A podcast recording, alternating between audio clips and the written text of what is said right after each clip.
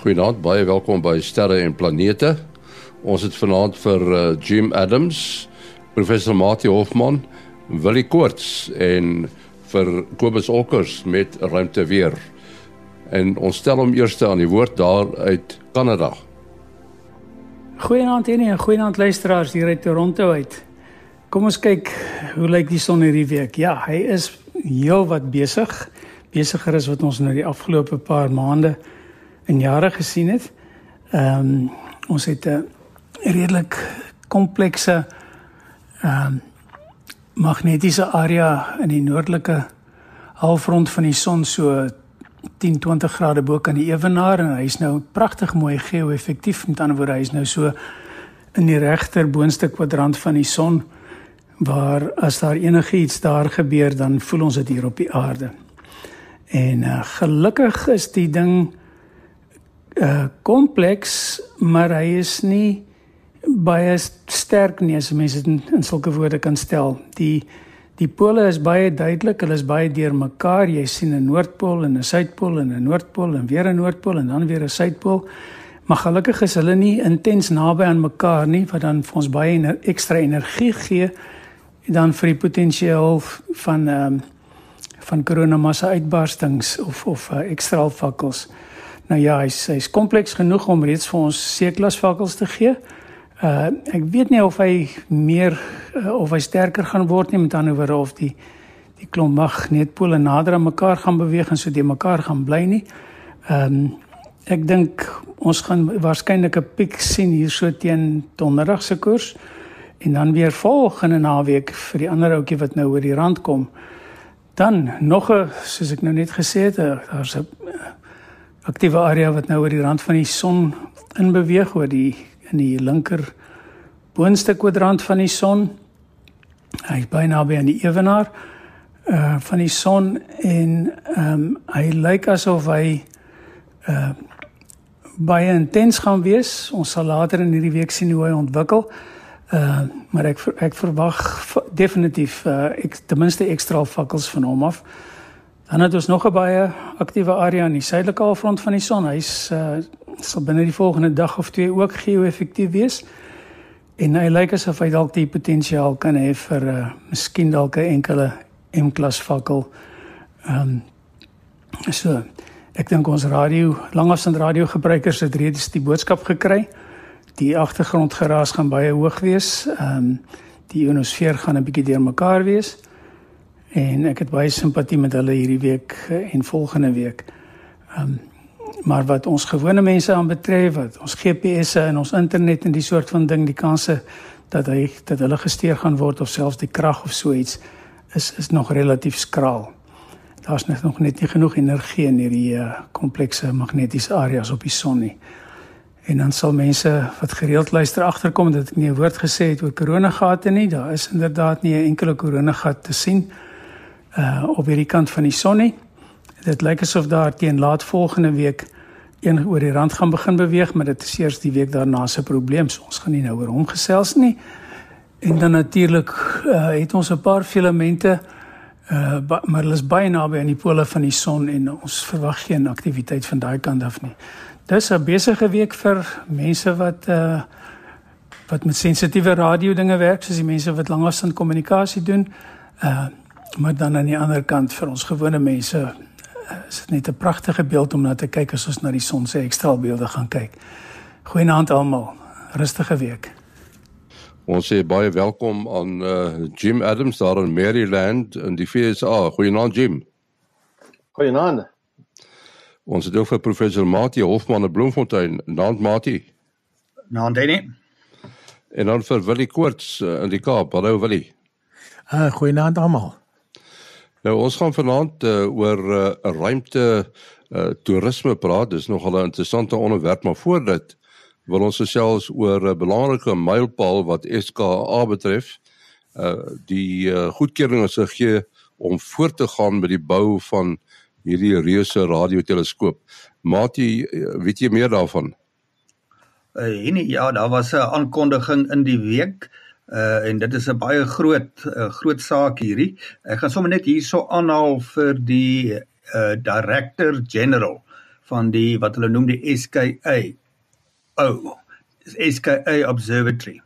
Uh, Prof Philip Diamond. Hy sê I am ecstatic. This moment has been 30 years in the making. Uh so dit is 'n uh, 'n baie groot droom wat waar word vir wetenskaplikes oor die hele hele wêreld. Dis 'n internasionale poging, maar Suid-Afrika is dan een van die twee lande saam met Australië wat die twee bene van hierdie uh reuse projek gaan gaan huisves. Hulle praat van die SKA low en die SKA mid. Dit is nou uh, watter frekwensies uh opgevang word in die in die radiogolfgebied. Ehm um, en die Australiërs het dan die een uh, frekwensieband en Suid-Afrika die ander frekwensieband. Nou vandat die toekenning gemaak is aan hierdie twee lande, uh, is dit nou geruime tyd wat verloop het 'n hele paar jaar. Die die rede daarvoor is uh dat benewens dat lande dit die deelnemende lande dit in hulle begrotings moes beskikbaar kon stel vir 'n bepaalde uh jare uh moes die baie van die tegnologie nog ontwikkel word. Dit uh die tegnologie was nie beskikbaar om die geweldige onder andere die geweldige vinnige kommunikasie wat nodig is om hierdie paar duisend skottels uh en antennes wat gebou uh, gaan word is uh, data bymekaar te bring nie. En ek dink ons kan trots wees daar daarop dat ons deel is hier op die voorpunte uh van hierdie van hierdie uh nuwe ontwikkelinge. En 'n groot deel daarvan word met Suid-Afrikaanse kundigheid gedoen natuurlik in Australië weer met hulle kundigheid. Wel dit gaan 'n groot ekonomiese uh inspuiting wees ook vir die ingenieursindustrie natuurlik ook vir daardie streke in die Noord-Kaap. Ehm um, as ek nou reg onthou sit ongeveer 30% van die geld wat in Suid-Afrika gespandeer word moet aan Suid-Afrikaanse maatskappye gespandeer word. En hulle hulle het nou al gewys hulle kan ongelooflike projekte doen. Dink nou maar net aan die uh, aan SALT the South African Large Telescope wat ook met groot Suid-Afrikaanse inhoud uh vervaardig is. Natuurlik was daar kritiese komponente en instrumente uh wat internasionaal bekom moes word Uh, maar dit trek ons na die na die voorpunte toe wat ek dink baie goed is uh, vir ons land en uh, die beplanning is om dit teen 2028 te voltooi. Nou sê groot konstruksieprojekte is geneig om laat te loop. Kom ons kyk hoe naby kom hulle aan 2028. Dit is nog 6 jaar van nou af. Uh maar mens nou dink elkeen van daai kottels uh, wil dis mos in die omgewing van dis nou aan die Suid-Afrikaanse kant omgewing van 15 meter of 12 meter in die in uh, deursnee maar dit is uh, is baie groot wat baie presies gemaak moet word oor 'n groot afstand uh so dit is 'n uh, moeilike konstruksie uh, Right, uh, let's uh, talk about space tourism. Uh, is there a Jim a future for space tourism? Oh, I think the future is bright. And, uh, you know, just uh, last week, the uh, United States Federal Aviation Administration licensed Virgin Galactic to begin flying its Unity spaceship, basically carrying commercial passengers uh, up to space and back, you know. So I think the market for space tourism is opening up. And now the real question is uh, where do you want to go?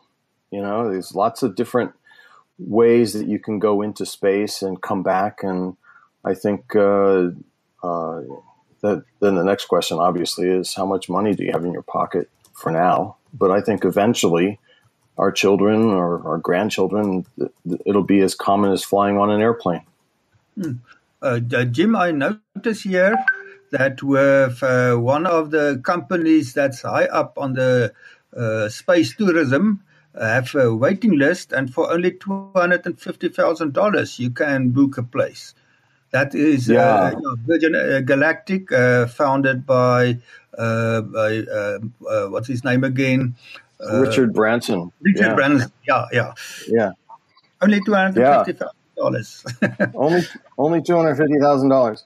But so, like I said, um, the question is, where do you want to go? So, a company like Virgin Galactic and their Unity spaceship shouldn't really be confused with a company like SpaceX and their Falcon um, uh, Dragon 2 module, which uh, the SpaceX module flies into orbit. And the um, the Unity spaceship from Virgin Galactic flies uh, what we call a suborbital flight path. So it goes up and it comes back down, but it never achieves orbit.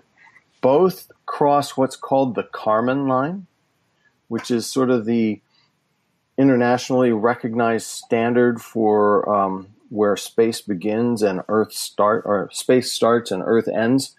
And um, depending upon which country you're talking to, that's either 100 kilometers or 80 kilometers. So both rocket ships uh, go above that, but um, but one will take you for a multi-day trip, like the Inspiration Four folks will do later this year on SpaceX, and uh, Virgin Galactic will take you up and back down um, for about seven minutes in space.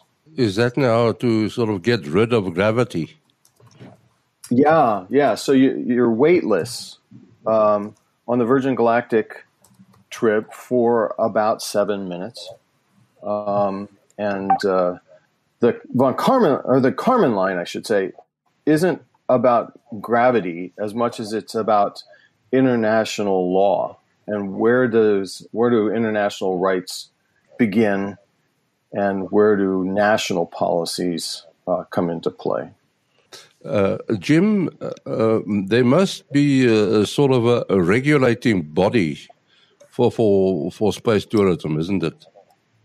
Well, you know, it's such a new field that um, not yet. There is uh, there are two groups that um, sort of uh, keep track of things like this. It's the FAI, so it's got a French name, Federation Astronautical Internationale, or something like that, and uh, and the U- United States Federal Aviation Administration. Federal Aviation Administration is actually licensing um, organizations to fly from U.S. soil to carry commercial passengers. The FAI kind of keeps uh, track of statistics, so they're doing less licensing and they're doing more um, tracking. And obviously, you, uh, one of the problems, in a certain sense, is not anybody uh, is fit enough to undertake space tourism.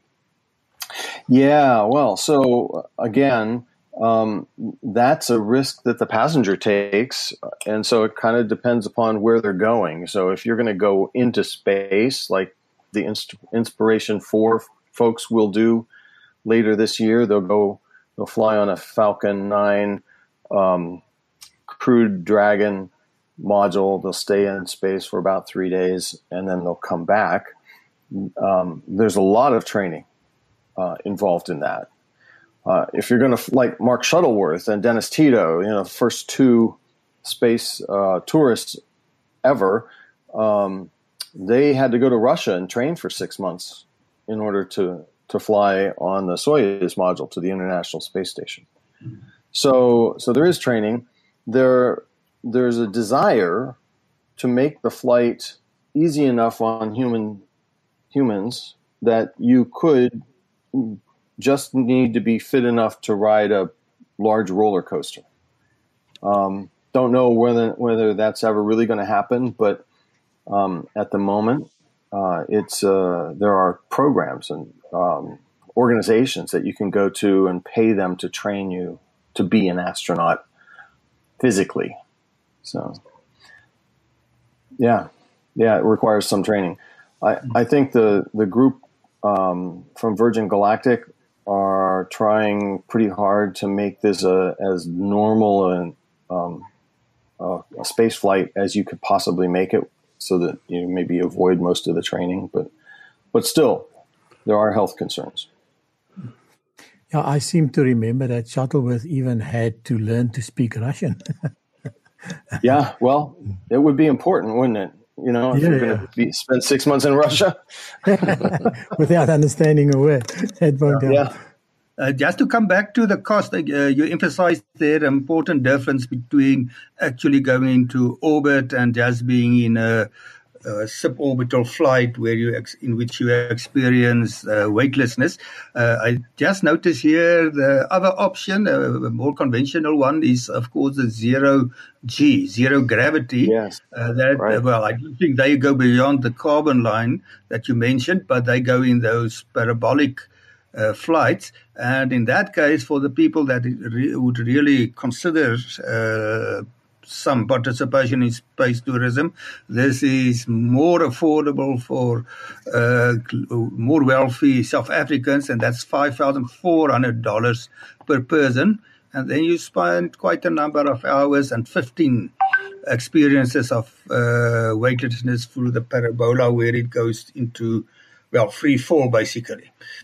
Yeah, yeah, but they don't they don't go above the von Karman line.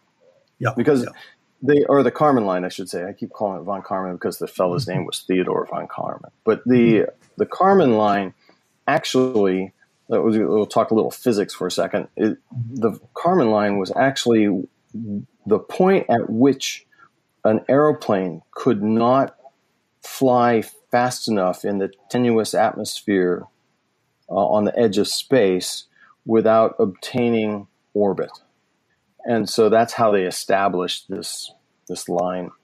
Um, so there aren't there won't be airplanes that go above the Karman line. I guess is the point. But the but um, yes, zero G is a very viable alternative and, and affordable to many people. Um, uh, the other option is uh, well, I, I was going to back up and I was going to say Tito Shuttleworth paid about twenty million dollars uh, for their experience to go to the International Space Station on a Soyuz.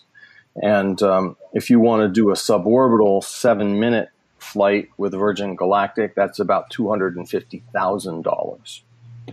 There's, there are some companies working on pressurized capsules that would be carried aloft above the Karman line uh, by a balloon and, uh, and then return you back down to the earth, obviously. The estimate is that that's going to cost on the order of $150,000. So, you know, you pay to go to the International Space Station 20 million, you can fly suborbital with uh, Virgin Galactic for 250,000. You can uh, take a balloon ride for 150,000. You can fly on zero G for roughly $6,000. Um, the other thing you could do is I understand that uh, on the garden route, there's a great bungee jumping spot where you can actually get weightless for about seven seconds. So, yeah. My son did that, do that. It's the highest one for about, world, a, yeah. for about 150 Rand, right? So, yeah, the advantage about this balloon ride is that it's it's it's a six and a half hour trip. So yeah. I mean that's that. but of course you wouldn't you wouldn't be weightless because you will never be in free fall. You'll just be you'll just be far right. away from the earth. Yeah, yeah. I saw on the, on the on the advert of this uh, Neptune one, um, which the, which has just recently done their second uh, test flight actually. Um, is that th- that's for people who wants to get, get great Instagram pictures and whatever. So I thought, okay, you must have good amount of money to spend to to get to get good Instagram pictures. Right. Yeah. You know. Uh, well, so here's the other interesting thing that's happening in the world today. More and more people, it seems, are getting wealthier and wealthier, mm. and so the possibility of seeing people able to take space flights um, as a tourist instead of having to go the traditional route of an astronaut where you um, you train um, you get selected by a government and then you get assigned to a flight and you you know it's kind of almost a military sort of thing. But as a tourist that's becoming more and more possible. And once that becomes um, available to more than just the billionaires of the world. It will the and there'll be more and more companies that happen, and then economics will come into play. You know, supply and demand, and then suddenly the prices will start coming down. And who knows? You know, we may be taking a Virgin Galactic flight someday. Um, maybe they'll do them from New York to Johannesburg. well, and there may arise an opportunity for the uh, the richest of the rich if they want to take, uh, say, a retired NASA engineer with them on their cost to explain them everything that is happening. well, ah, Jim, you know, if you're referring to me, I, I uh, I'm going to keep my feet on the ground for right now. I think. Uh, you, you know, mentioned um, uh, an interesting thing, Jim. Uh, you said this Kármán line.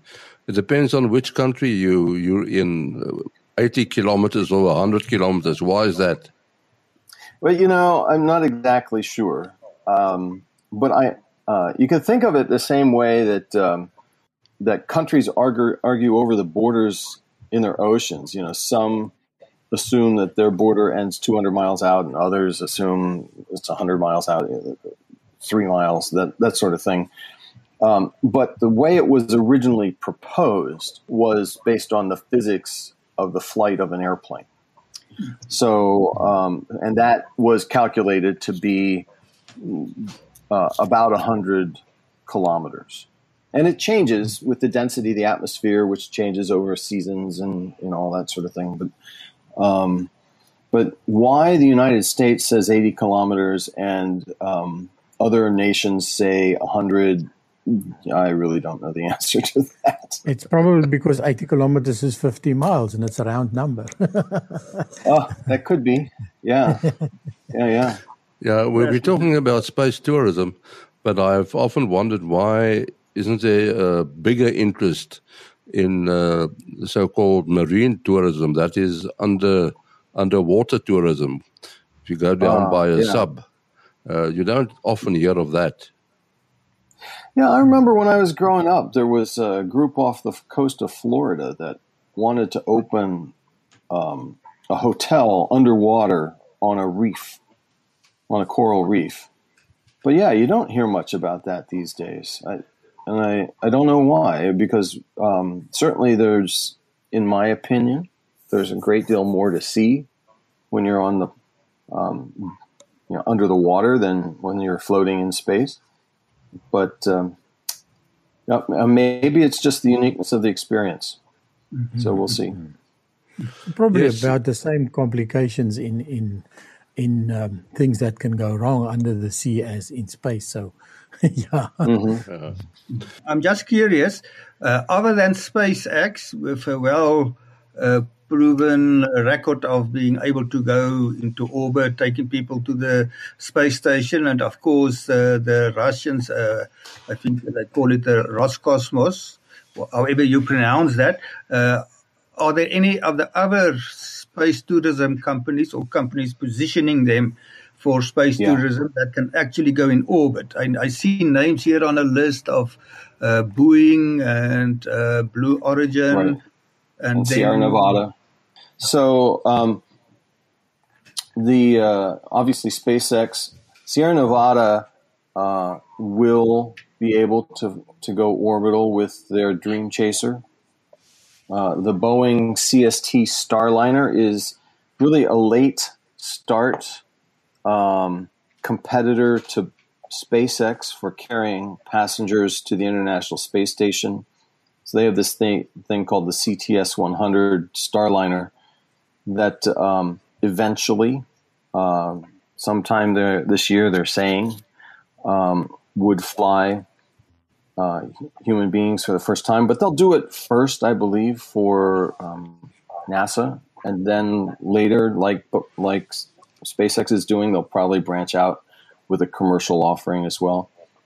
And then Blue Origin, very secretive. It's founded by the uh, by um, Jeff Bezos, who runs Amazon or owns Amazon, and um, doesn't doesn't talk a lot about his development. There has been one launch; it's been uncrewed, but the idea is that eventually he will carry um, people into space, and I believe the way he will start is he'll start by uh, doing the um, the Virgin Galactic thing, where they'll he'll go up cross the Kármán line, then come back down uh, instead of orbiting.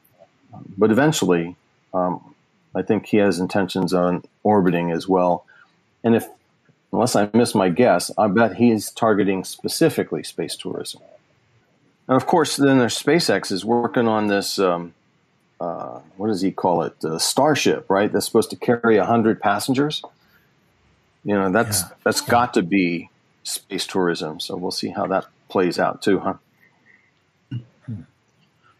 I, uh, just interesting also, I notice here that uh, Virgin Galactic already sold 650 tickets for future flights, and th- th- those are now the $250,000 tickets. And uh, Jim, to give you an idea, if you converted $250,000 to rand, that is about the number of millions of rand, uh, say a middle class citizen can hope to, to save for retirement. So that will be your total retirement fund. And uh, okay, you could consider that if you don't expect to live long and you don't want your children to inherit every, uh, anything, that could be an option. well, yeah. Um, that's, uh, what is that? That's about 3.8 million rand, isn't it? I, I'm I'm not saying that it's going to be tomorrow that Mati and Vili can go on their first space flight together, but um, but it will happen someday. You know, I, I I see the energy in the market such that these companies have been around long enough that they're not just your typical startups that uh, make a big splash mm-hmm. and then disappear. You know, mm-hmm. these are backed by important people. You know, um, Richard Branson and uh, Jeff Bezos and Elon Musk, and a lot of them have only tacit interest in dealing with the governments. They've got commercial mindsets, and so I think that's important, and that's going to change the landscape. I mean, eventually, we could foresee people taking a holiday on the moon. Right, we have to close off. Uh, Jim, uh, people can find you on the Facebook group. Yeah, I love answering questions there um, uh, on the fa- on the Facebook group. It's it's a vibrant community. People ask great questions, so feel free. Right, Mati, jou besonderhede? 'n Selfoonnommer 0836257154. 0836257154. Willie 0724579208. 0724579208. En dan weer die program se e-posadres: sterreplanete@gmail.com. sterreplanete@gmail.com. Ons is volgende week weer terug. Tot dan. Mooi dag.